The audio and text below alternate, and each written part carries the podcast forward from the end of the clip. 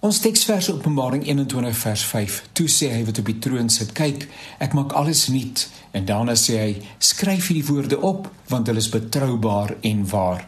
Ons leef in 'n baie ontstellende wêreld.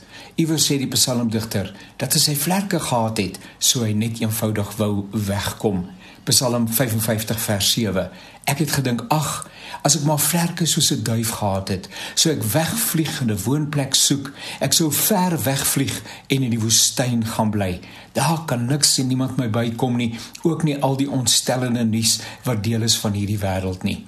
Daar's net te veel hartseer en ontwrigting op aarde en dit lyk asof dit toeneem in intensiteit. Dalk is dit die tekens van die tye immers. Elke dag is 'n dag nader aan die wederkoms.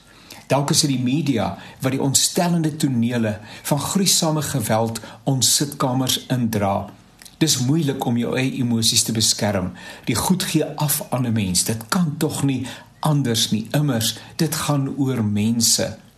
Die verwoesting in die Midde-Ooste is die nuutste byvoeging in 'n reeds onderste bo wêreld.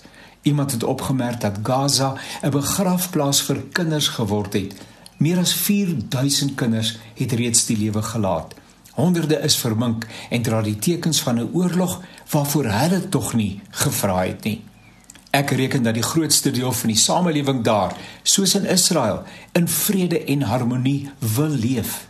Hoe oorleef 'n mens in 'n konteks waar, soos ons op TV sien, missiele dag in en dag uit die hemelruim skeur en stofwolke die lug instuur? Hoeveel mense word nie onder die puin begrawe nie? Ons is as gelowiges sensitief en ons is sensitief dikwels na een kant toe en ek verstaan dit. Ons vind 'n godsdienstige en 'n Bybelse motivering vir die geweld. Argumente soos dat Israel tog die reg het om homself te verdedig, is uiteraard nie sonder meriete nie.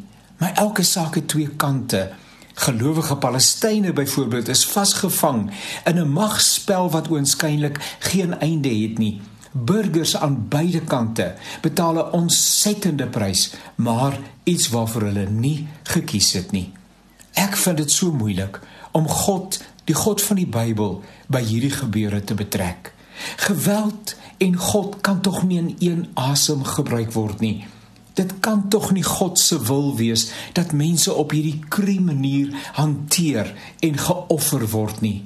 Mag die Here kragtig ingryp Mag hy ware bekering bring in die harte van die mense wat die besluit te maak. Mag die Here vrede bring in die Midde-Ooste.